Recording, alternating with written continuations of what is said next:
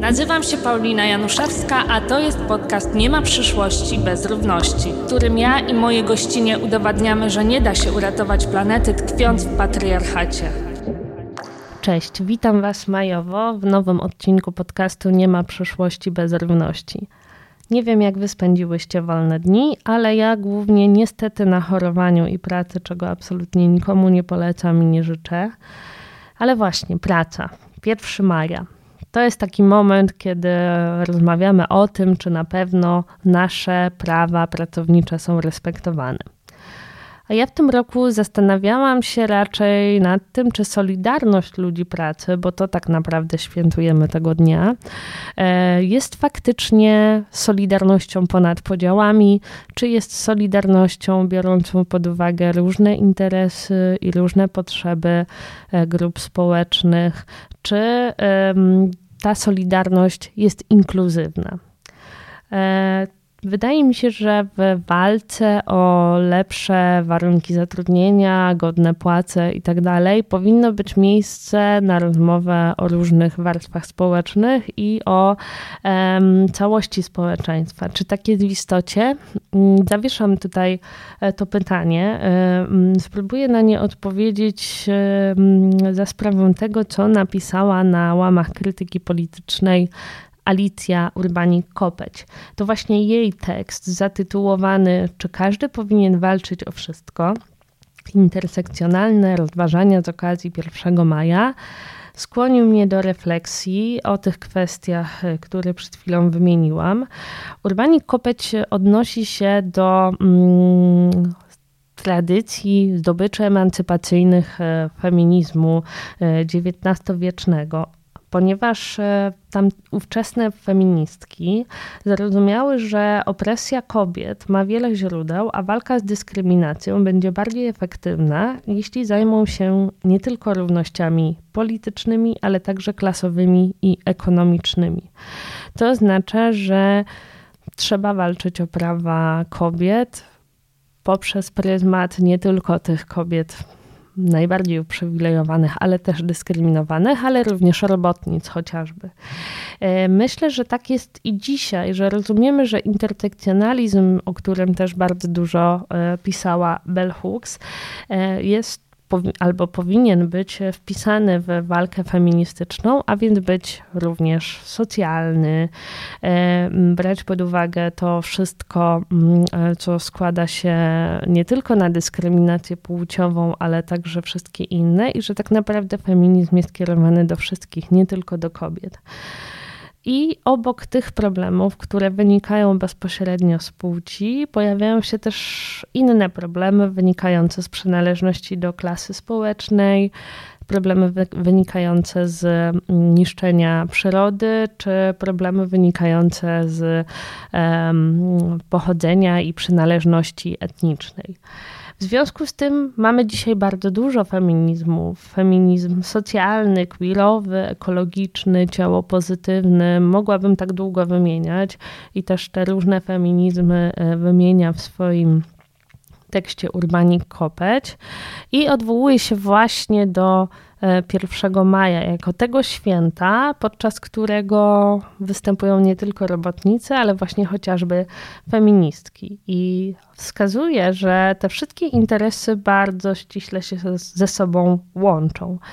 E, I autorka też e, pisze, że z jednej strony bardzo się z tego cieszy, bo widzi, że kobiety jako połowa społeczeństwa chcą po prostu sprawiedliwego świata i angażują się w bardzo dużo różnych problemów. Ale z drugiej strony, i tu podzielam e, te refleksje e, autorki i jej punkt widzenia, Urbanik Kopeć jest nieco zmęczona tym faktem. To znaczy, zadaje pytanie, czy przypadkiem e, każda z nas e, e, nie bierze na siebie zbyt dużo i czy nie jest tak, że oczekuje się, że teraz wszyscy będą walczyć o wszystko, czyli jeżeli mamy 1 maja, to mamy też nie tylko święto pracy, ale święto feminizmu i tak dalej, i tak dalej. To jak to wygląda? Czy jest tak, że skoro angażujemy się w aktywizm, e, to mm, mamy się zajmować e, jednocześnie globalnym ociepleniem, uchodźczyniami, nielegalnymi eksmisjami, prawami reprodukcyjnymi, edukacją równościową. I czy wszyscy mamy się tym zajmować w taki sam sposób, w tym samym stopniu? Czy nie jest też tak, że znowu to kobiety, tym razem właśnie w aktywizmie, biorą na siebie całe zło i niesprawiedliwość tego świata, by w imię intersekcjonalizmu performować znowu te same tradycyjnie kobiece cechy, czyli empatię i opiekuńczość. Bardzo ważne pytania zadaje tutaj Urbanik Kopeć. I nie ukrywam, że one również mnie nurtują, ale na szczęście w tekście znajdziemy odpowiedź, choć może nie e, receptę dokładną, jak to się robi, ale na pewno jakiś taki kierunek e, działania e, tutaj autorka wskazuje. To znaczy, odpowiada, że mm, nie chodzi o branie na siebie pełnej odpowiedzialności za wszystko, bo nikt nie jest w stanie jej udźwignąć co innego y, połączone ze sobą społeczeństwo, w którym ludzie współpracują, zawierają sojusze i przede wszystkim są solidarni. E, to jest coś, co nas spaja, co wzmacnia i przede wszystkim ćwiczy w empatii. A więc możemy sobie po prostu pomagać, a nie brać wszystkie problemy e, na plecy. E, I e, w związku z tym, że wspomniałam o empatii i o ćwiczeniu empatii, to dzisiaj Wam zaproponuję takie empatyczne ćwiczenie. Wyobraźcie sobie, co byście zrobiły, gdybyście nie mogły pracować i były całkowicie wykluczone ze społeczeństwa tylko dlatego, że najbliższa Wam osoba wymaga opieki. I czy w myśleniu o pracy, w święto pracy i poza nim, myślicie też o pracy opiekuńczej? O tym porozmawiam dziś z Karolą Kosecką, inicjatorką akcji 2119 i protestu osób z niepełnosprawnościami i osób opiekuńczych, członkinią redakcji Shine i studentką dramatoterapii.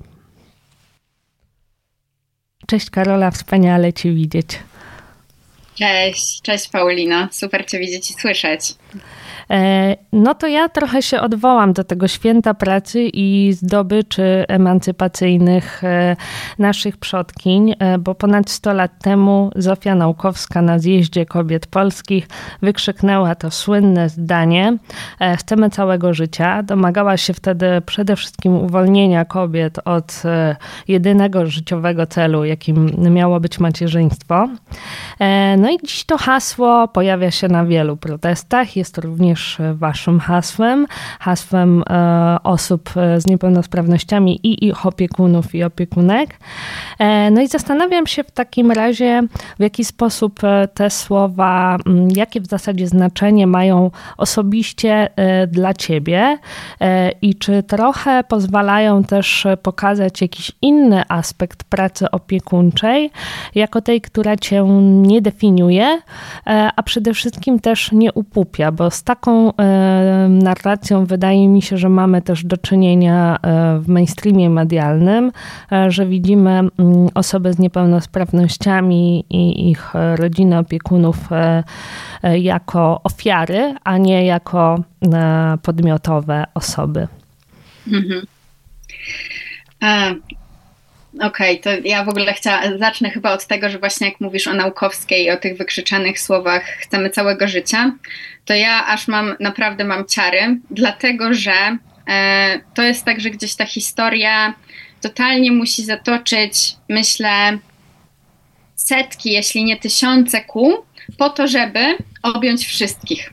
I że gdzieś te pierwsze wykrzyczane słowa i pierwsza ta podróż od, od startu, od tego wykrzyczenia tych słów, to przez jakąś próbę właśnie włączenia e, kobiet do społeczeństwa na innych zasadach niż po prostu matki, matki Polki e, i pracownice domowe e, musiało przejść ten, przeszło gdzieś przez ten pierwszy obszar, w który dotyka wierzchołka góry lodowej i zaczyna włączać kobiety, które oczywiście wyklucza, e, doświadczały wykluczenia setki tysiące lat i to w ogóle jakby nie ma tutaj znaku zapytania, wiemy to e, i, i jasne, tylko że ta grupa, która w tym pierwszym przebiegu zostaje włączona, to jest nadal ta grupa właśnie tych, które w pewien sposób nadal są uprzywilejowane, chociaż oczywiście przez lata e, uciśnione. E, I gdzieś mi się wydaje, że teraz w tym, w, tym, w tym przebiegu jesteśmy na jakimś kolejnej, kolejnej powtórce, która po raz kolejny włączy jeszcze większą grupę kobiet, jeszcze większą grupę opiekunek, e, tych strażniczek domów, e, które gdzieś nie, nie, nie, mając wyboru, tych domach zostają. I tutaj właśnie mówię o opiekunkach, e, osobach opiekuńczych osób z niepełnosprawnościami, które po prostu z, z, są tak dużą częścią społeczeństwa, a jednak tak niewielką częścią społeczeństwa i też tak bardzo niewidoczną częścią społeczeństwa, bo tutaj gdzieś dochodzimy do tego, do tej przedziwnej dynamiki, że ich e, przez to, że właśnie są zamknięte w tych domach, to ich nie widać, a skoro ich nie widać, to łatwo jest na nie przymknąć oko i powiedzieć, że żyjemy w państwie, w którym e, te prawa niezależnie od płci e, gdzieś zaczynają się wyrównywać powoli. E, I e, odwołując się właśnie do tego, co powiedziałaś o tej narracji upupiającej, to właśnie ta narracja niestety karmi e, to zamknięcie w domach i karmi tę niewidoczność. Chociaż to jest bardzo trudne, myślę, do przepracowania, jakby przez społeczeństwo, dlatego że same jednostki, które tych domach siedzą, bardzo często też te narracje karmią. I ja to widzę nawet po samej sobie, chociaż e, nie jestem, nie jestem matką, tylko jestem siostrą i gdzieś ten taki powiedzmy no taki jakby jakiś tam archetyp matki też w pewien sposób na mnie spada, dlatego że jestem najstarszą siostrą i jedyną pełnosprawną, neurotypową um, osobą z tego rodzeństwa, ale ja przez e, całe lata, przez to, że mamy taki system, jaki mamy i przez to, że on właśnie nie opiekuje się osobami, to przez lata żyłam w takim oczywiście, że ja się będę opiekować, oczywiście, że ja to wezmę na siebie i kocham moje, mo, moich braci e, tak bardzo, że nie, nie pozwolę im, żeby ten um, dziwny system ich tak bardzo pokrzywdził.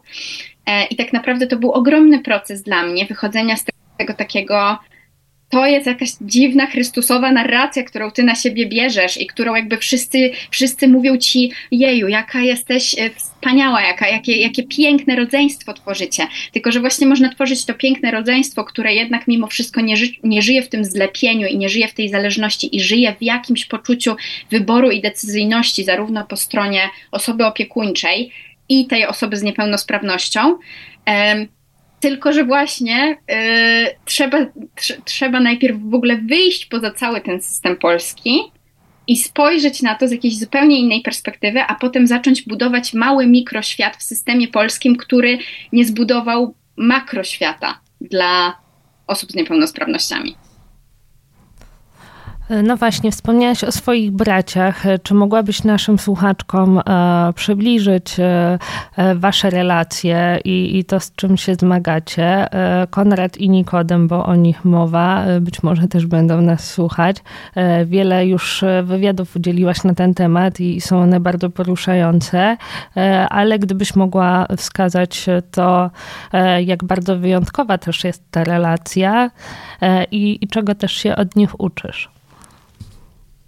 E, Konrad jest ode mnie dwa lata młodszy. E, jest na spektrum autyzmu oraz ma również niepełnosprawność intelektualną e, i potrzebuje asystencji takiej 24 godziny na dobę. Ma również epilepsję, która akurat teraz jest nieaktywna, ma całkiem dobrze ustawione leki, ale były takie okresy gdzieś w naszym życiu, kiedy no po prostu te ataki się zdarzały co chwilę. W ciągu doby ich było po prostu kilkadziesiąt. I Nikodem, który jest ode mnie 7 lat młodszy, jest, e, jest neurotypowy na spektrum autyzmu i ma ADHD, e, jest w normie intelektualnej i, no i chodzi do liceum, w przyszłym roku będzie zdawał maturę. I nasze relacje tak naprawdę myślę, że bardzo to, w jaki sposób ukształtowało się nasze rodzeństwo, e, zostało naznaczone tym, że Konrad urodził się, jak ja miałam dwa lata, więc nasze życia zawsze, ja pamiętam moje życie zawsze z nim. E, I zawsze jakby on był tym, tą pierwszą osobą, z którą budowałam inną więź niż więź e, rodzic-dziecko czy tam babcia, dziecko. No ale w każdym razie w tej takiej innej hierarchii, bardziej partnerskiej, a mniej takiej właśnie opiekuńczej. I Konrad jest e, niewerbalny, jest prewerbalny, tak naprawdę posługuje się e, kilkoma słowami, które też nie znaczą tego, co znaczą dla niego, e, czy dla nas, bo my już też się nauczyliśmy tych słów. Ale w takim neurotypowym świecie, świecie pełnosprawnym nie znaczą tego.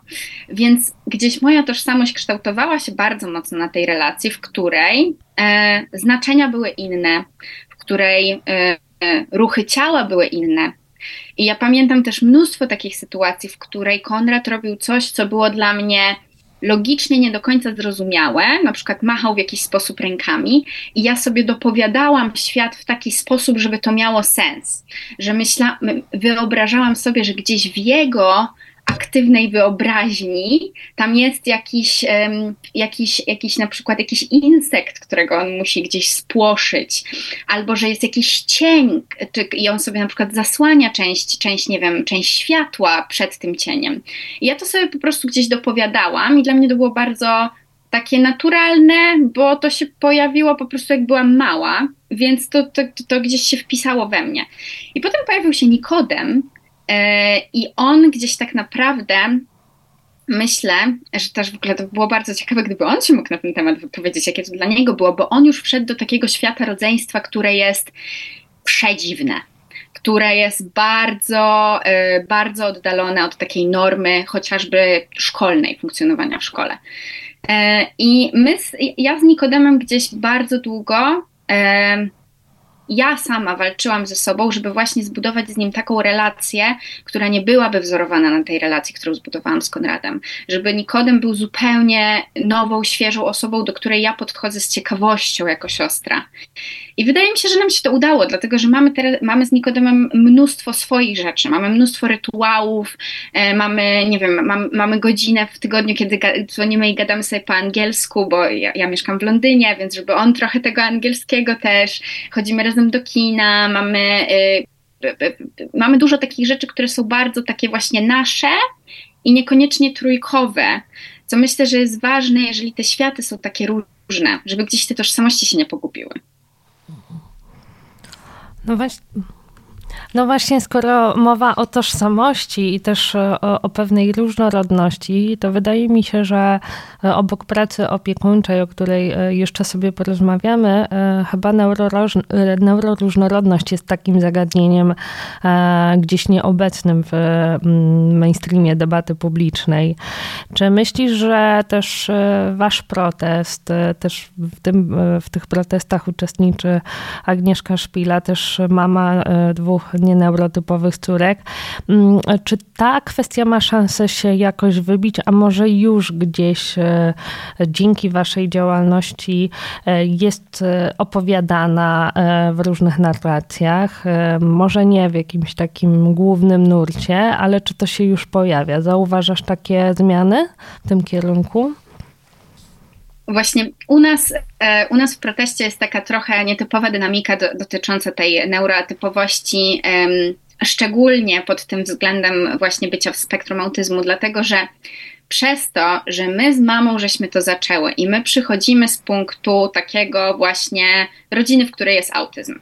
I też e, jedna z osób, która bardzo, bardzo aktywnie działa w tym takiej naszej, powiedzmy jest na, nas siedem takich osób, które tak najbardziej są w takim korze działania i jeszcze jedna z tych osób właśnie też ma podobne doświadczenie do naszego, to my troszkę staramy się wziąć ten krok wstecz i trochę spojrzeć szerzej, dlatego że jednak to, o co walczymy, e, przez to, że jest bardzo e, związane po prostu z procesami legislacyjnymi, to dotyczy dużo szerszej grupy.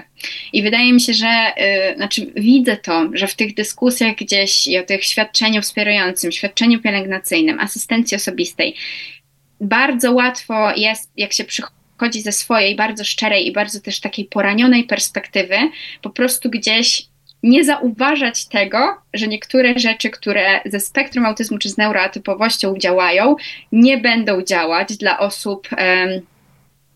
nie wiem, przewlekle chorych na jakąś chorobę, czy, e, czy niepełnosprawnych e, pod względem po prostu fizycznym ciała. Więc my dlatego też może tej narracji u nas nie ma tak bardzo w takim głównym nurcie, no bo staramy się po prostu być maksymalnie inkluzywne w tym środowisku osób z niepełnosprawnościami i nie tworzyć też po prostu kolejnych murów pomiędzy nami a nimi i tak dalej. Nie, jesteśmy jakby w tym wszyscy i wszystkie.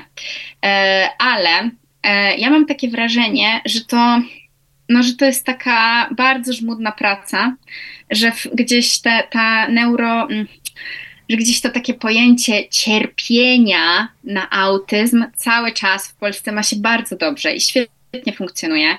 I to jest y, gdzieś taka praca bardzo wielu osób, które y, są po prostu samoadwokatkami i pod, muszą dawać swoje świadectwa i opowiadać te swoje historie. I mam nadzieję, że to, co e, protest robi w tym kierunku, i wydaje mi się, że to jest to, co protest robi w tym kierunku, to jest to, że zaczyna gdzieś ta widoczność w ogóle osób z niepełnosprawnościami zaczyna być szersza i gdzieś takie powiedzmy media, czy osoby, czy jakieś platformy zaczynają się tym trochę bardziej interesować, jakby już nie wspominając o osobach rządzących, którymi może trochę, e, chociaż trochę to zatrząsło wszystko, co robimy. Więc w tej debacie może po prostu zacznie być na to miejsce. E, ale wydaje mi się, że to nie będzie, że akurat w tej kwestii, konkretnie neuroróżnorodności, to raczej nie będzie rewolucja, dlatego że chociażby um, jakiejkolwiek pracy na studia nie piszę, to Word podkreśla mi na czerwono neuroatypowość i neurotypowość za każdym razem. Więc chyba jeszcze trochę. E, no to o co, o co, tak naprawdę walczycie w pierwszej e, kolejności? E, tutaj już 2119 daje nam pewne wskazówki. To jest kwota świadczenia pielęgnacyjnego, które otrzymuje opiekunka lub opiekun osoby z niepełnosprawnością. To jest kwestia, którą podniosła Agnieszka Szpila. Daje się inspirująca Was też do działania. To chciałabym, żebyś też trochę o tym opowiedziała i o Waszych najważniejszych postulatach? Jasne. Um, to tak, wszystko, wszystko zaczęło się właśnie po prostu od prawa do pracy. E, czyli o, zaczęło się tak naprawdę od artykułu Agnieszki Szpili, gdzie są te dzieci w dupie. My go przeczytałyśmy i stwierdziłyśmy, że e, że trzeba zawalczyć o to prawo do pracy. Gdzieś nam się wydawało na początku tego protestu, jak zaczęłyśmy to robić, że to jest taka sprawa, która jest do załatwienia i ona jest. Nie ma aż takich tam zawiłości, powiedzmy legislacyjnych, żeby to załatwić. E, po prostu gdzieś osoby, które projektowały tę ustawę lata temu i które tam zapisały to, że nie ma tego prawa do pracy, miały zupełnie inne zupełnie też inny świat ich otaczał i zupełnie inna świadomość dotycząca jednostki rodziny, w której jest niepełnosprawność. I gdzieś wydaje mi się, że chciały się zatroszczyć o to i też tak w taki sposób to przedstawiają osoby z PiSu, z którymi e, gdzieś rozmawiałyśmy, że miała się ta ustawa zatroszczyć o to, żeby osoba z niepełnosprawnością nie była zostawiona sama sobie. E, I żeby rzeczywiście ten opiekun po prostu czy opiekunka nie mógł pracować e, i poświęcił ten czas jej. żeby nie było takich sytuacji, że po prostu gdzieś się potem znajduje osobę w pokoju, nie wiem, zamkniętą, czy cokolwiek. E, ale e, no, mamy ten rok, jaki mamy, i mamy też gdzieś tam powoli, powoli tę świadomość wzrastającą w tej kwestii, w kwestii w ogóle podmiotowości osób z niepełnosprawnością przede wszystkim i też podmiotowości relacji, którą się buduje z osobą z niepełnosprawnością, że nie musi być e, w niej aż takiej właśnie dziwnej dominacji. I więc tak, tutaj po tym przydługim wstępie stwierdziłyśmy, że to nie, nie, może, być, nie może być aż takie trudne e, do zrobienia. I potem nam się to dosyć szybko, w cudzysłowie, potwierdziło, e, dlatego że właśnie posłanki. E, Koalicji Obywatelskiej e, były pierwszymi osobami, które się do nas zwróciły i które się z nami spotkały. I one rzeczywiście przedstawiły nam projekt ustawy, który tam miał pewne rzeczy, które nam średnio pasowały, ale generalnie był po prostu taki, że gdyby to przegłosować, to to prawo do pracy by było. I już. I nie trzeba było budować całego systemu dookoła tego.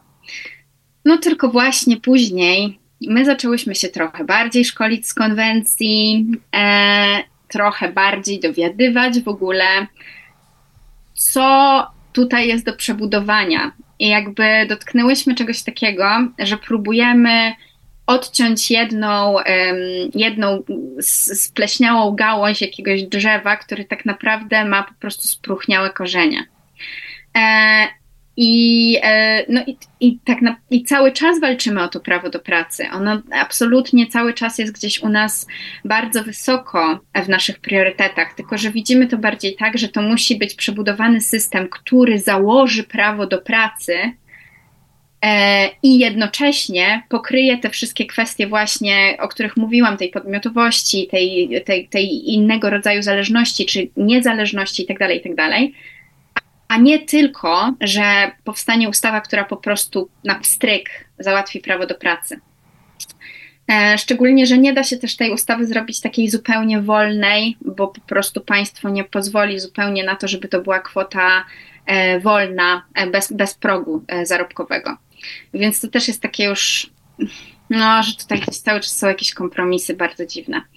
E, ale teraz nam się też troszkę przesunęła ta, przesunęła ta priorytetowość, dlatego że cały czas walczymy o to prawo do pracy, ale ponieważ e, zbliżają się wybory, to teraz tak naprawdę główny nacisk kładziemy na asystencję.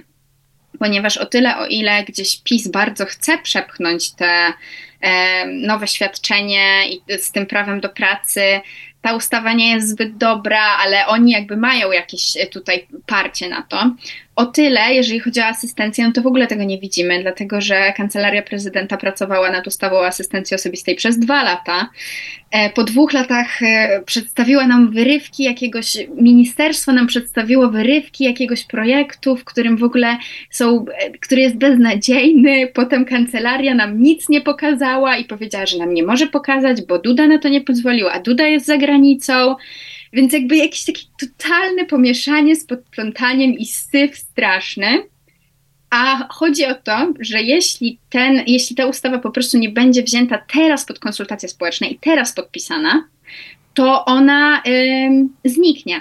I potem kolejne, nieważne kto wygra wybory, ale kolejne po prostu osoby rządzące zaczną ją pisać od początku i ten proces będzie długo trwał, a osoby potrzebują asystencji osobistej teraz już nie mówiąc o tym, znaczy powiem o tym, ale to na marginesie, że też kancelaria prezydenta po prostu pobierała kasę za to, że pisała ustawę, która, której nie ma. Co dokładnie było w tej ustawie? E, gdybyś mogła właśnie wyjaśnić naszym e, słuchaczkom, e, to chodzi oczywiście o asystenta dla takiej osoby. przepraszam, mm, w jakich to był, e, w, jakich, e, w jakim zakresie w zasadzie e, ta pomoc miałaby rozwiązywać te problemy, które są, na czym to polega i w jakim wymiarze miałaby ta opieka wyglądać? No, asystent osobisty to jest taka osoba, która po prostu wspiera osobę z niepełnosprawnością w codziennych czynnościach w których ta osoba potrzebuje e, jakiej, jakiegokolwiek rodzaju wsparcia. I to wsparcie, tutaj już zacznę od tego, że, że jakimś bardzo e, takim ważnym fundamentem tego wsparcia jest to, że to musi być naprawdę bardzo szerokie spektrum czynności, w których osoba potrzebuje pomocy. Czyli nie może być tak, że asystent przychodzi i pije sobie herbatkę z osobą z niepełnosprawnością i wtedy osoba opiekuńcza sobie nie może pójść gdzieś tam e, na spacer e, i trzeba to wtedy tak wyliczyć, żeby to nie była pora, nie wiem, e, mycia, ubierania e, się, czy, czy, czy, czy jakich, jakichkolwiek bardziej korzystania z toalety, tylko to musi być tam właśnie herbatka, bo często się tak dzieje, niestety często się tak dzieje. My mamy znajomego, który też nas bardzo wspiera w proteście, który bardzo często mówi o tym, że on oprócz tego asystenta, który gdzieś tam e, do nich przychodzi i jest nazwijmy to systemowo, chociaż to wcale nie jest systemowo załatwione, e, to on musi płacić po prostu dodatkowe pieniądze za osobę, która mu pomoże e, skorzystać z toalety, bo ten asystent, który teoretycznie jest zapewniony, tego nie robi. Więc to musi być bardzo szerokie spektrum czynności, również e, zawierające takie czynności jak chociażby podawanie leków, bo, no, no bo to jest po prostu niezbędne. Więc to jest pierwsza rzecz. Druga rzecz jest taka, że e, rozmawiamy tutaj o takim wymiarze godzinowym, żeby to mogło być nawet do 300 godzin w miesiącu. I tutaj jest właśnie taka, mm, taka śliska kwestia trochę, dlatego że strona rządowa proponuje cały czas ten limit 100 godzin w miesiącu. E, I na przykład w Słowenii to jest 300. E, I my cały czas postulujemy do 300. I trochę nie rozumiem ja tego, dlaczego oni są tacy uparci. Dlatego, że z badań bardzo jasno wynika, e, tam taki był pilotaż prowadzony przez PFON w Polsce, że osoby, które korzystają z wyższej liczby godzin niż to 100, to naprawdę nie jest dużo osób. Że większość osób jednak korzysta z tych właśnie 100. Tylko, że chodzi o to, żeby też wesprzeć tych najbardziej potrzebujących, którzy potrzebują potrzebują tego asystenta naprawdę 24 godziny na dobę. I to nie jest tak, że teraz nagle wszystkie osoby z niepełnosprawnością w Polsce będą potrzebowały tego wsparcia 300 godzin, ale po prostu to jest jakieś kolejne absurdalne wykluczenie, że tych, którym trzeba na przykład tylko wesprzeć w nie, otworzeniu szafy, to spoko, ale tych, których trzeba już wesprzeć w wyjęciu czegoś z tej szafy, no to już nie. I znowu te osoby najbardziej potrzebujące po prostu zostają same. I, a to naprawdę nie byłoby aż tak dużo osób, więc tutaj dla mnie to jest coś jakby zupełnie dziwnego, co mi się wydaje, że po prostu jest jakieś niezrozumienie tego, e, tych potrzeb zupełne i jakieś takie zakładanie, że, że całe społeczeństwo, jak będzie mogło poprosić o ten najwyższy limit, to na pewno będzie po prostu. E, wszyscy nagle będą korzystać nie z tego, czego potrzebują, tylko z tego, co dziwne, dziwaczne. To, to, to, to jest właśnie nasz taki drugi postulat. E, trzecia rzecz, o której myślimy i to jest dla nas jakieś bardzo ważne, to jest to, żeby osoba z niepełnosprawnością mogła sama e, wskazać osobę asystencką. Czyli, czyli po prostu chodzi nam o to, żeby nie było takich sytuacji, że nagle do domu po prostu tej osoby wparowuje ktoś, kogo zupełnie ta osoba nie zna. I ja tutaj się posłużę moim przykładem, naszym przykładem, że nam przez pół roku, przez pół roku przysługiwał nam asystent, który z Konradem był, e, robił z nim rzeczy, e, super osoba, wspaniale się chłopaki dogadywali. No i po pół roku on e, przestał, e, po prostu system przestał nas obejmować. E, I po tym pół roku moi rodzice się zdecydowali, że w jakiejś tam części są w stanie dalej opłacić tego asystenta. Więc teraz przez kolejny pół roku, w jakimś tam mniejszym wymiarze godzin, bo żeby to jakoś finansowo w ogóle dopiąć, on dalej rzeczywiście z, razem z Konradem funkcjonują razem ze sobą.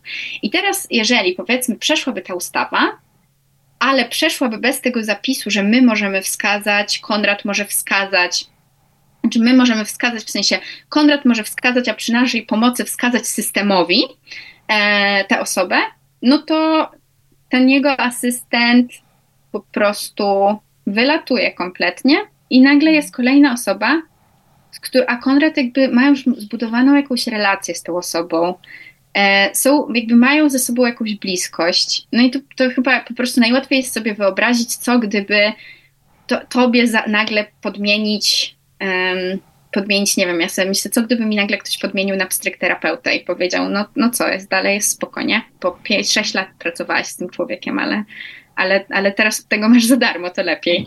E, więc gdzieś bardzo to, to jest dla nas ważna rzecz. E, też kolejną ważną rzeczą jest to, żeby był dostępny dla dzieci.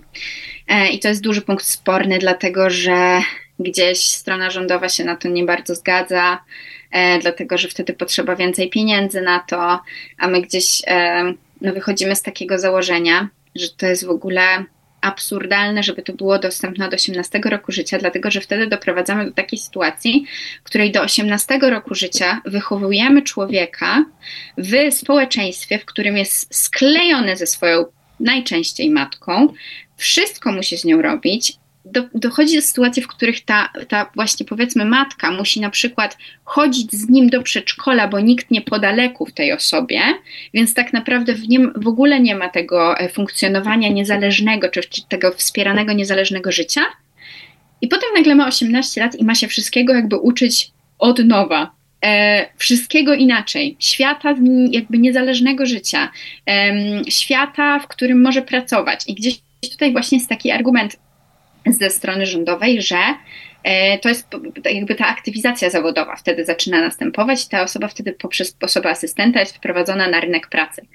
No tylko, że to jest pytanie, czy chcemy wprowadzać na rynek pracy od zera osobę, której w ogóle nie wspieraliśmy od początku jej życia, a nie lepiej po prostu od początku życia wspierać osobę i potem ona wchodzi na rynek pracy i ma takie, okej, okay, no jakby, no tak, no tak, tak, tak, żyłam i tak dalej, dalej będę żył, tylko jeszcze będę pracował na dodatek. Więc to są jakieś takie korowe nasze rzeczy, ale też w ogóle odsyłam wszystkich słuchaczy do e, dekalogu asystencji osobistej, który jest u nas na stronie i który gdzieś, do którego my się odwołujemy i na którym się opieramy zawsze przy rozmowach właśnie o tej ustawie.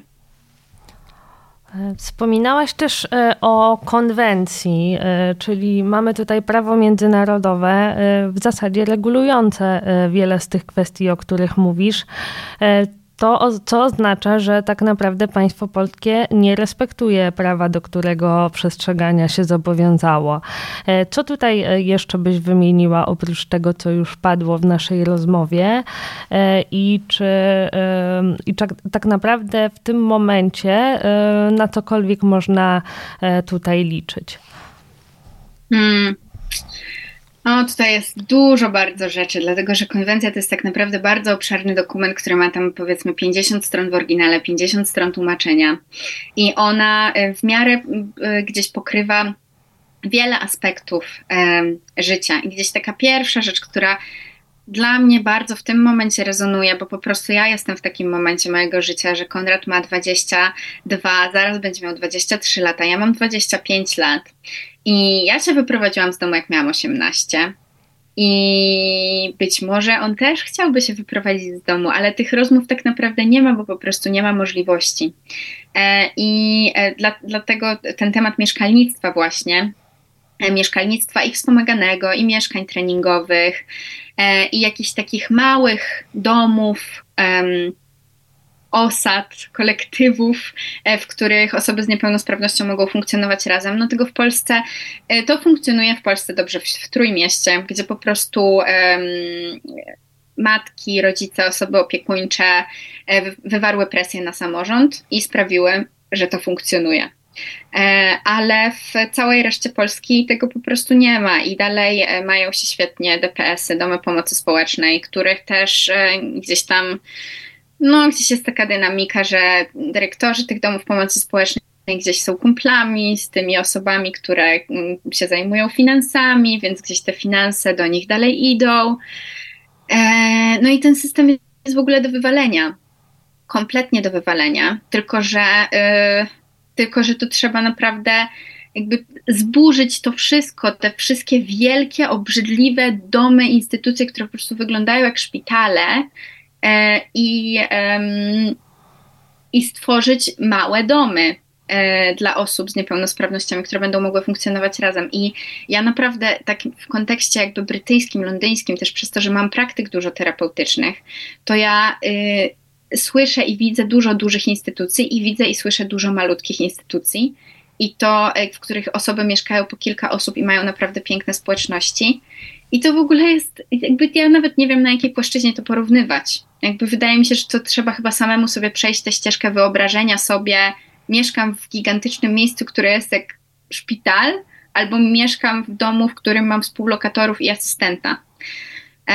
I w zeszłym miesiącu byłam na spotkaniu właśnie w Urzędzie Miasta Warszawy e, dotyczącym mieszkalnictwa i cały czas gdzieś jesteśmy w takim punkcie, że nie ma tego, że my wiemy, że tego nie ma, że osoby z urzędu wiedzą, że tego nie ma, ale nie możemy się w ogóle jakoś spotkać na takiej płaszczyźnie, na której to się zaczyna dziać. No i to jest jedna z rzeczy, która jest pokryta w konwencji, czyli właśnie te małe domy ze wsparciem. Gdzieś też tutaj jest dużo a propos szkół i tej inkluzywności w szkołach i tego, jak w ogóle mieszać te różne, powiedzmy, nazwijmy to grupy społeczne, gdzie jedną z tych grup społecznych są osoby z niepełnosprawnościami, żeby to wszystko funkcjonowało razem, ale funkcjonowało nie w taki sposób, że nagle E, będziemy, od, nagle po prostu otworzymy wszystkie szkoły i e, niech to się dzieje. Tylko gdzieś ci nauczyciele też muszą być wsparci w tym, w jaki sposób w ogóle edukować i jak pokazywać to, to, tę różnorodność ludzką. E, no i to dalej jakby idzie znowu do powiedzmy wizyt u lekarza chociażby i tej dostępności nie wiem, już tak po, po, przykładach trochę lecąc, no chociażby, nie wiem, dostępności e, gabinetów ginekologicznych dla osób na przykład z niepełnosprawnością e, właśnie fizyczną, e, czy, czy do tego, żeby była jakaś dostępność lekarzy, lekarek, które Potra które potrafią w prosty sposób wytłumaczyć osobie z niepełnosprawnością intelektualną, co się z nią dzieje. Um, a nie, że to wszystko jest w jakiejś takiej enigmatycznej chmurze, że gdzieś jakaś osoba opiekuńcza wie, jakaś osoba doktorska wie, a ta osoba w sumie nie ma pojęcia, jest przerzucana z jednych rąk do drugich. No i to, jakby konwencja też pokrywa bardzo dużo takich innych aspektów, których my stricte w, w proteście się nie zajmujemy, czyli jakaś taka e, dostępność kultury, dostępność instytucji, e, też to, jak są po prostu projektowane miasta, no ona jest bardzo, bardzo takim szerokim i bogatym dokumentem. Wspomniałaś o tym mieście. E, dla mnie to jest taka e, dosyć ciekawa metafora myślenia o społeczeństwie, dlatego że jeśli dostosujemy miasto do potrzeb e, tych, którzy nie poruszają się samochodami szybkimi, to tak naprawdę wszystkim będzie żyło się lepiej. A rzeczywiście to, że nie widzimy osób z niepełnosprawnościami, albo że być może mamy jakiś taki stosunek, mówię jako społeczeństwo, społeczeństwo e, zdystansowane właśnie wynika z tego, że nie mają prawa być w tej przestrzeni. E, I, i tak sobie o tym myślę, że, że może warto też e, jakoś o tym opowiadać w ten sposób i zawsze gdzieś, gdzieś mi się ten obraz kołacze w głowie. Ale też wspomniałaś właśnie o mieszkalnictwie. Czy to jest w ogóle jakiś taki temat, który w polityce poza e, e, jest obecny, czy też na tych spotkaniach, które odbywałyście z politykami w Sejmie, podnosiłyście te kwestie? Czy jest jakakolwiek reakcja, jakiekolwiek zainteresowanie tym tematem?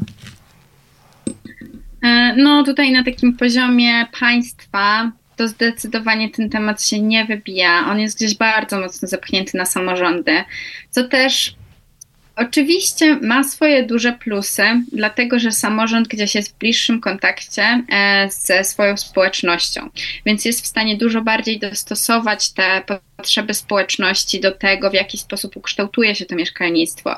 I gdzieś jak ja słucham tego, właśnie w jaki sposób w Gdańsku to powstało, czy w którym mieście to powstało, gdzie są te domy, jak to jest ukształtowane, to dla mnie tutaj gdzieś taki wniosek z tego wynika, że rzeczywiście to, że samorząd był to włączony, w to włączony, miało duży sens pod względem tego, że to jest rzeczywiście przekminione bardzo na takim poziomie kontaktu, na takim mikroświecie, na takim podejściu nieinstytucjonalnym, tylko takim rzeczywiście zobaczenia tych poszczególnych potrzeb i zobaczenia jednocześnie osób e, w spektrum autyzmu i osób z niepełnosprawnością fizyczną i osób z niepełnosprawnością intelektualną i tak dalej, i tak dalej.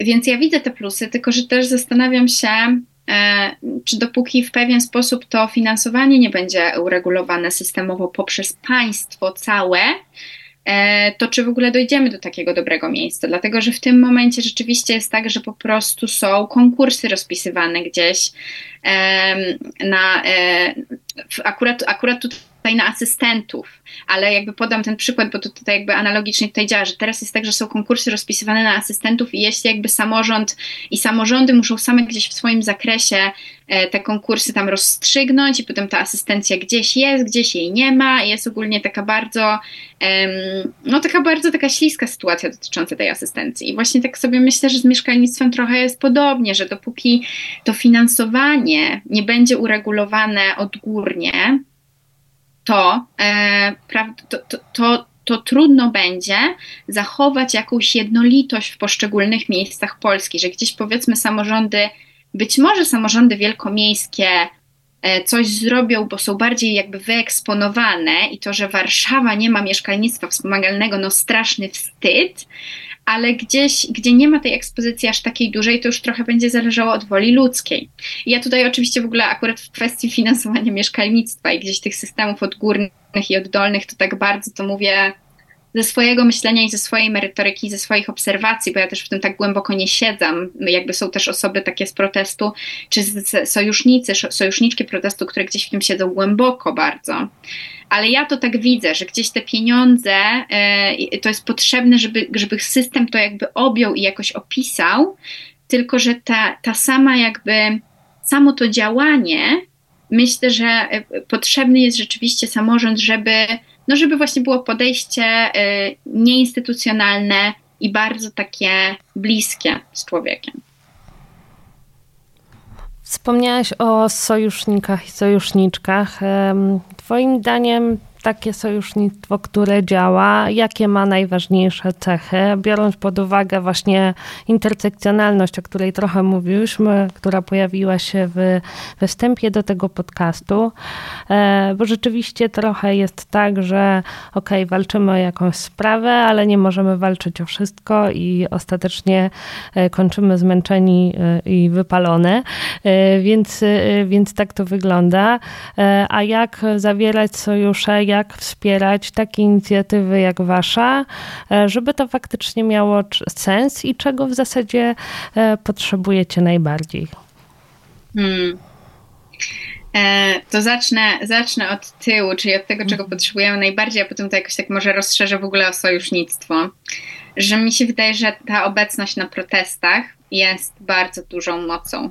Że to się wydaje takie może błahe trochę, dlatego że mm, dlatego że przy, przychodzi się tam i się tak stoi i tak naprawdę e, zazwyczaj jak się jest sojusznikiem, a nie ma się takiego jakiegoś swojego personalnego doświadczenia, to jak, jakby się tak nic nie powie, e, więc po prostu jak stoi i to się, to, to może się wydawać błahe, ale naprawdę dla nas to, jak przychodzi na przykład, nie wiem, 150 osób, a jak przychodzi 50 osób, jest bardzo dużą różnicą, bo po prostu my bardzo wpadamy w to takie poczucie, e, że byłyśmy, nie, my nosimy w sobie to poczucie, że przez wiele, wiele lat byłyśmy niewidoczne i nosimy w sobie to, jakby ten taki ból związany z tym, że społeczeństwo ma totalnie nas wyjebane i że to nie jest, że gdzieś priorytetem jest to, żeby tworzyć lepsze szanse dla osób pełnosprawnych, uprzywilejowanych, niż to, żeby tworzyć jakąś równość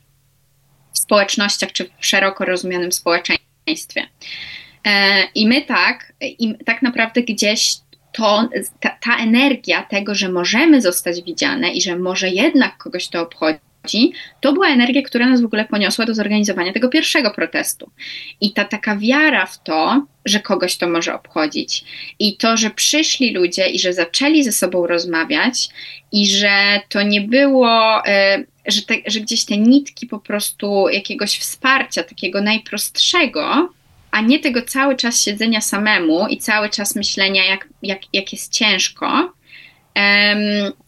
Jest, to jest w ogóle, to jest bardzo, bardzo ważne. To jest tak totalnie kluczowe i jest tak bardzo jakieś karmiące i, um, i, i, pokazujące to, że nie musi być tak, jak było przez moje 25, no 22 lata życia, bo tyle, y, tyle powiedzmy żyje Konrad. Y, mojej mamy y, też 22 lata życia, kogoś innego 50 lat życia, kogoś innego 5 lat życia. Że to może mieć, że ta opowieść może być jakby słyszana i ludzie mo mogą chcieć ją słyszeć. Więc to przychodzenie na protesty naprawdę jest bardzo, bardzo dla nas jakieś ważne. I też myślę, że jest e, coś takiego o słuchaniu w tym.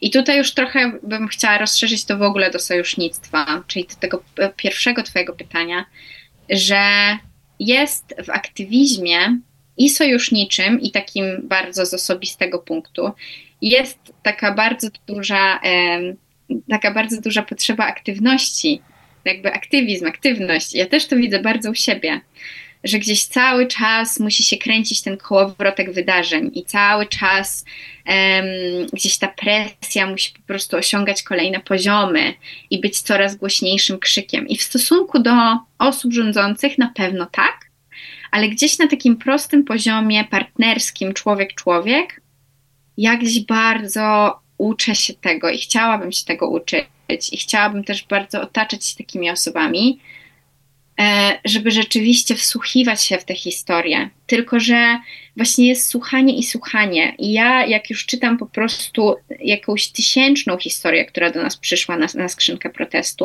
to ja już czasem się łapię na tym, że gdzieś po prostu tak to przelatuje, bo już jakby gdzieś te wątki się powtarzają, coś się pokrywa, tylko że właśnie jest jakiś taki dużo głębszy poziom słuchania drugiego człowieka, który jest taki bardzo z empatii i bardzo gdzieś taki właśnie z ciekawości, z tej ciekawości, o której mówiłam, jak wspomniałam o Nikodemie i o tym, że chciałam go poznać z ciekawością, a nie wychodzić z kalką mojej relacji z Konradem. Um, i to jest trudne, bo chcemy tak wszystko jakby, żeby już była ta ustawa i żeby już była ta, e, to, to, to, te małe domy, żeby już to wszystko tylko, że tego, tylko, że jakby ja bym strasznie chciała wychodzić z takiego punktu, w którym, w którym ta społeczność potem rzeczywiście umie, korzy może korzystać z tego domu, bo jest w jakiś taki bardzo wyczulony na siebie sposób w tej siatce zbudowana. I myślę, że jakoś bardzo to mi rezonuje w, w sojusznictwie. To jest może trochę takie, nie wiem, trochę może enigmatyczne, ale też mam wrażenie, że jak się, że jak się tego dotknie, to się po prostu to czuje i potem już się wie o co chodzi.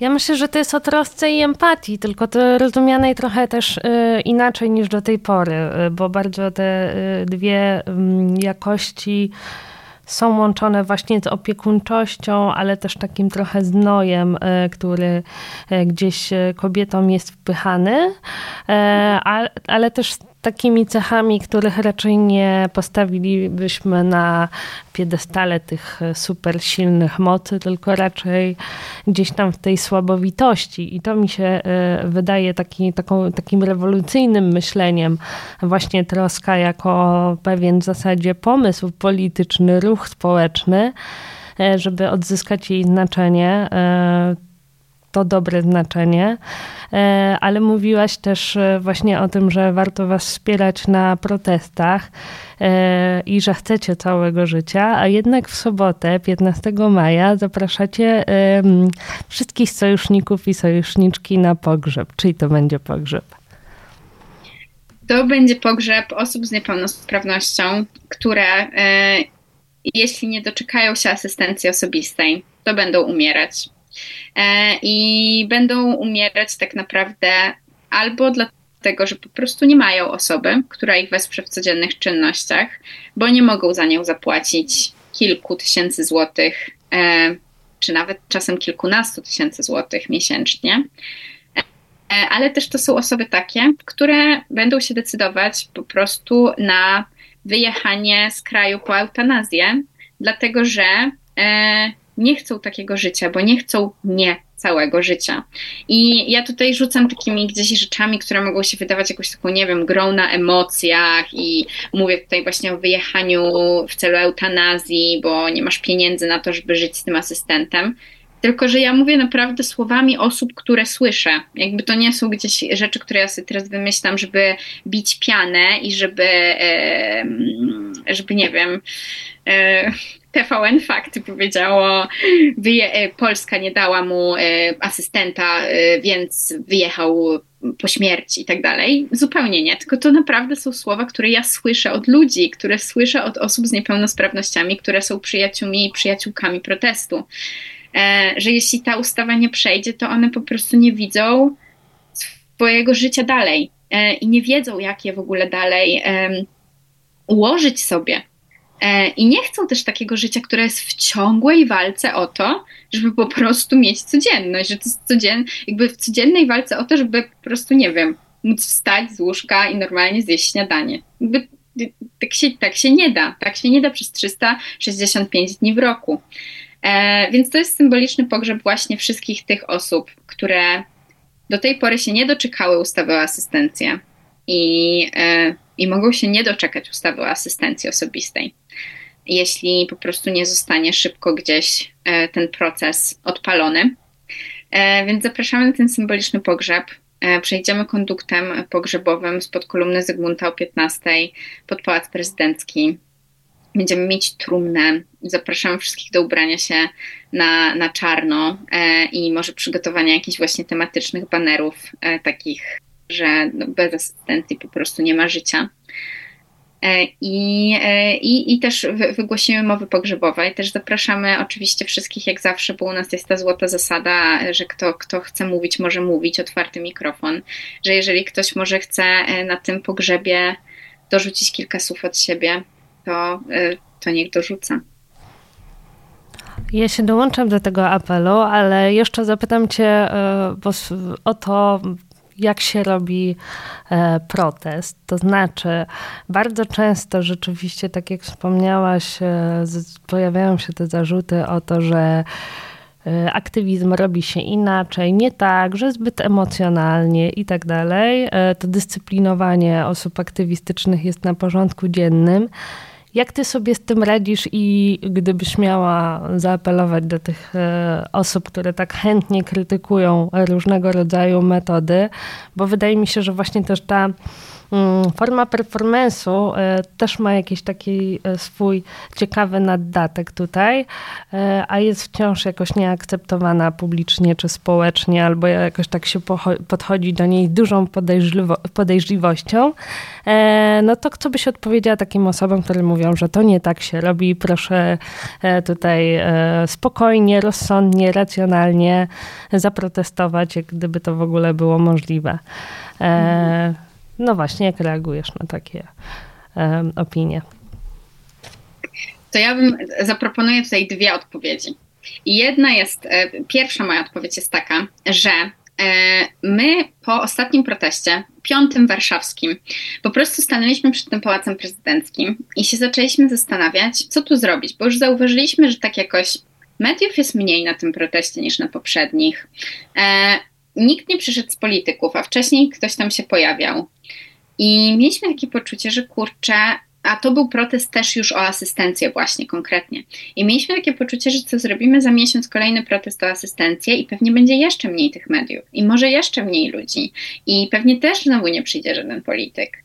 E, I bardzo nas to zmartwiło. I wtedy mm, jeden z, jedna z osób takich zaprzyjaźnionych z protestem przytoczyła historię e, z Portugalii, osoby z niepełnosprawnością, która uciekła z DPS-u, e, z Domu Pomocy Społecznej, czyli właśnie jednego z takich wielkich po prostu, wielkich instytucji zrzeszających osoby z niepełnosprawnością, e, uciekła i zamknęła się w klatce przed parlamentem e, w Portugalii i powiedziała, powiedział, że nie wyjdzie stamtąd, dopóki nie zostanie mu zapewnione ludzkie miejsce do mieszkania, normalne miejsce do mieszkania.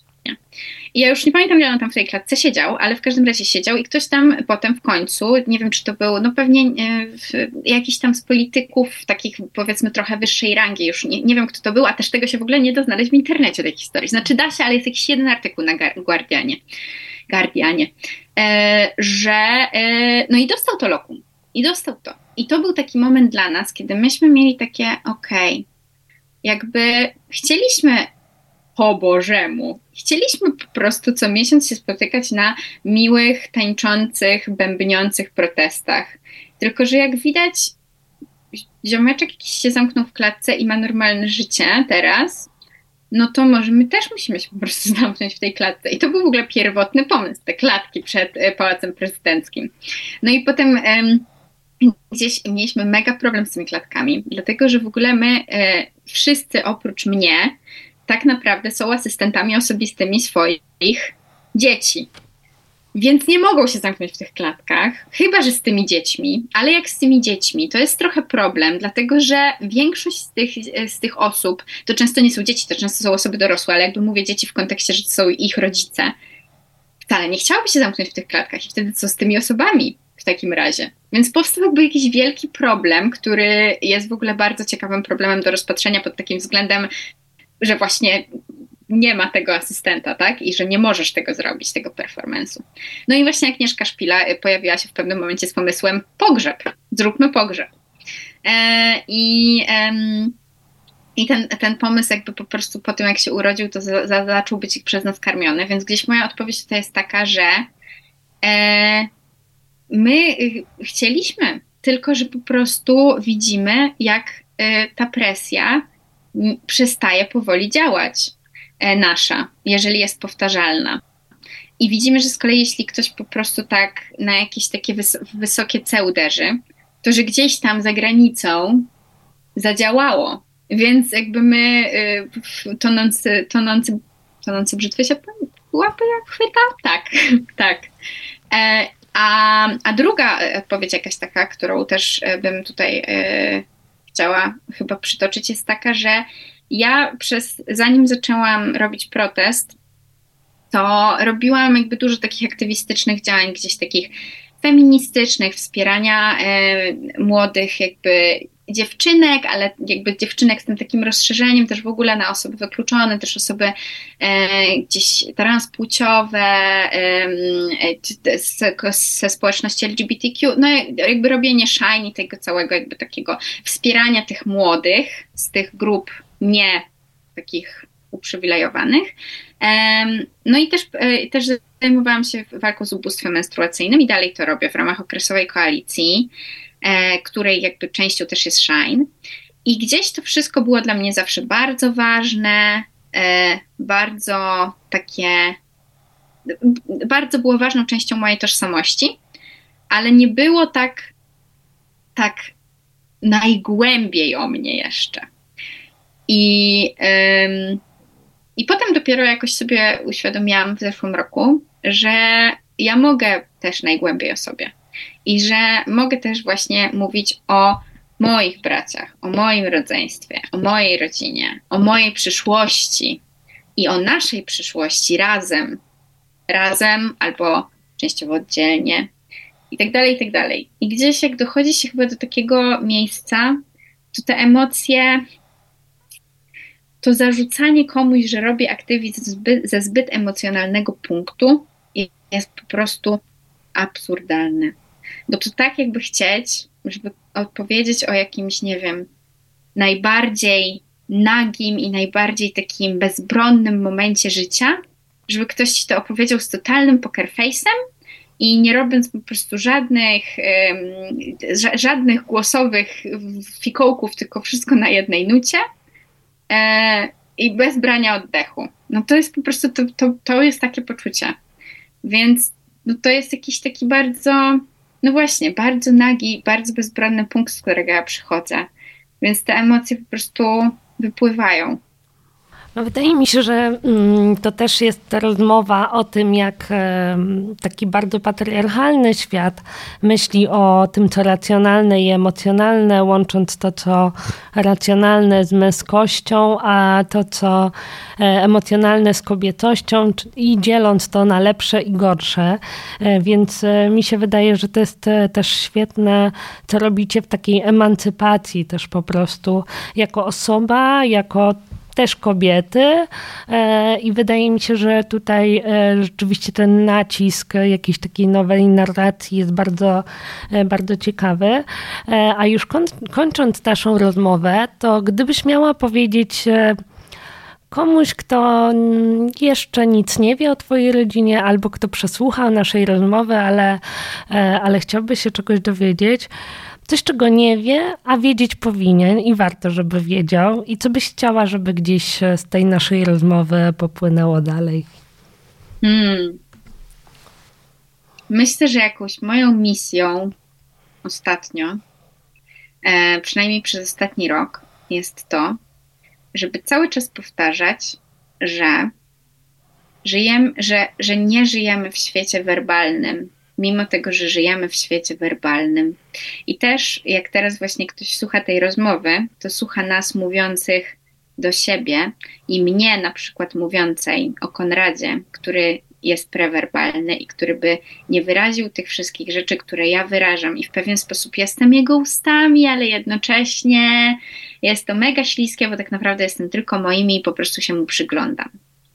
I myślę, że gdzieś taka rzecz, którą chciałabym bardzo, żeby ludzie gdzieś ze sobą ponieśli, to jest to takie bardzo takie właśnie troskliwe i dogłębne wczuwanie się w drugiego człowieka i nie wychodzenie z założenia, że komunikacja musi być typowa, musi być neuroatypowa, że podejmowanie decyzji musi być typowe i neuroatypowe i werbalne. Że żeby gdzieś po prostu po prostu spróbować tak odciąć zupełnie od tego świata, w którym wszystko musi być w wypowiedzianych słowach, żeby było jakościowe. I że gdzieś te jakości totalnie są po prostu w dotyku, w spojrzeniu, w tym, na jaki fotel ktoś usiądzie i w tym, i w tym, z czego jakby czerpie przyjemność, w jaki sposób czerpie tę przyjemność że jest tak strasznie dużo e, w ludziach, którzy właśnie na przykład nie mogą nagrać podcastu e, i nie mogą być Twoimi gośćmi, gościniami, bo po prostu nie powiedzą nic w tym podcaście. I też ja właśnie dużo pracuję teraz z takimi osobami, gdzieś chcę, żeby moja specjalizacja dramaterapeutyczna poszła w tę stronę. Więc mam teraz poczucie właśnie takiej misji, a też pomyślałam, że to jest ciekawe w kontekście formy, w jakiej jesteśmy teraz obie. Zdecydowanie tak, więc myślę, że e, to nam otwiera jakieś e, nowe refleksje i, i to też jest trochę o tym, o czym opowiadam też e, i rozmawiam z innymi gościniami w kontekście kontaktu z naturą i to mhm. rozdzielenie na, na naturę i kulturę, które są do siebie, e, stoją w zasadzie plecami do siebie, a tak e, być nie powinno, że rzeczywiście te zmysłów mamy znacznie więcej, tych możliwości jest znacznie więcej. Chyba to ograniczenie najbardziej nam e, wpływa na różne formy wykluczenia, które obserwujemy w społeczeństwie i to bardzo Mm, otwierająca myśl, e, mimo że kończymy naszą rozmowę. Bardzo Ci za nią dziękuję i oczywiście jeszcze raz przypominamy. 13 maja, 15 godzina. Musicie być wszyscy. Zapraszamy. I bardzo Ci dziękuję za rozmowę. E, mam nadzieję, że jeśli uda nam się e, usłyszeć jeszcze raz, e, to już z, ze zrealizowanymi postulatami i to też uwaga dla wszystkich, którzy nas słuchają i które nas słuchają, że warto z nimi się zapoznać. Przypomnisz na jakiej stronie? Na Instagramie można nas znaleźć jako 2119 pylyny. 2119 oczywiście po prostu pisane jako 2119 Pylyny, e, a na Facebooku jako 2119 e, protest OZN i osób opiekuńczych. No i próbujemy teraz skleić też jakąś witrynę w e, WordPressie, więc może niedługo będzie po prostu jako strona www. Dobrze, to za to też trzymam kciuki. Wielkie dzięki i dzięki, że nas słuchałyście. Dzięki.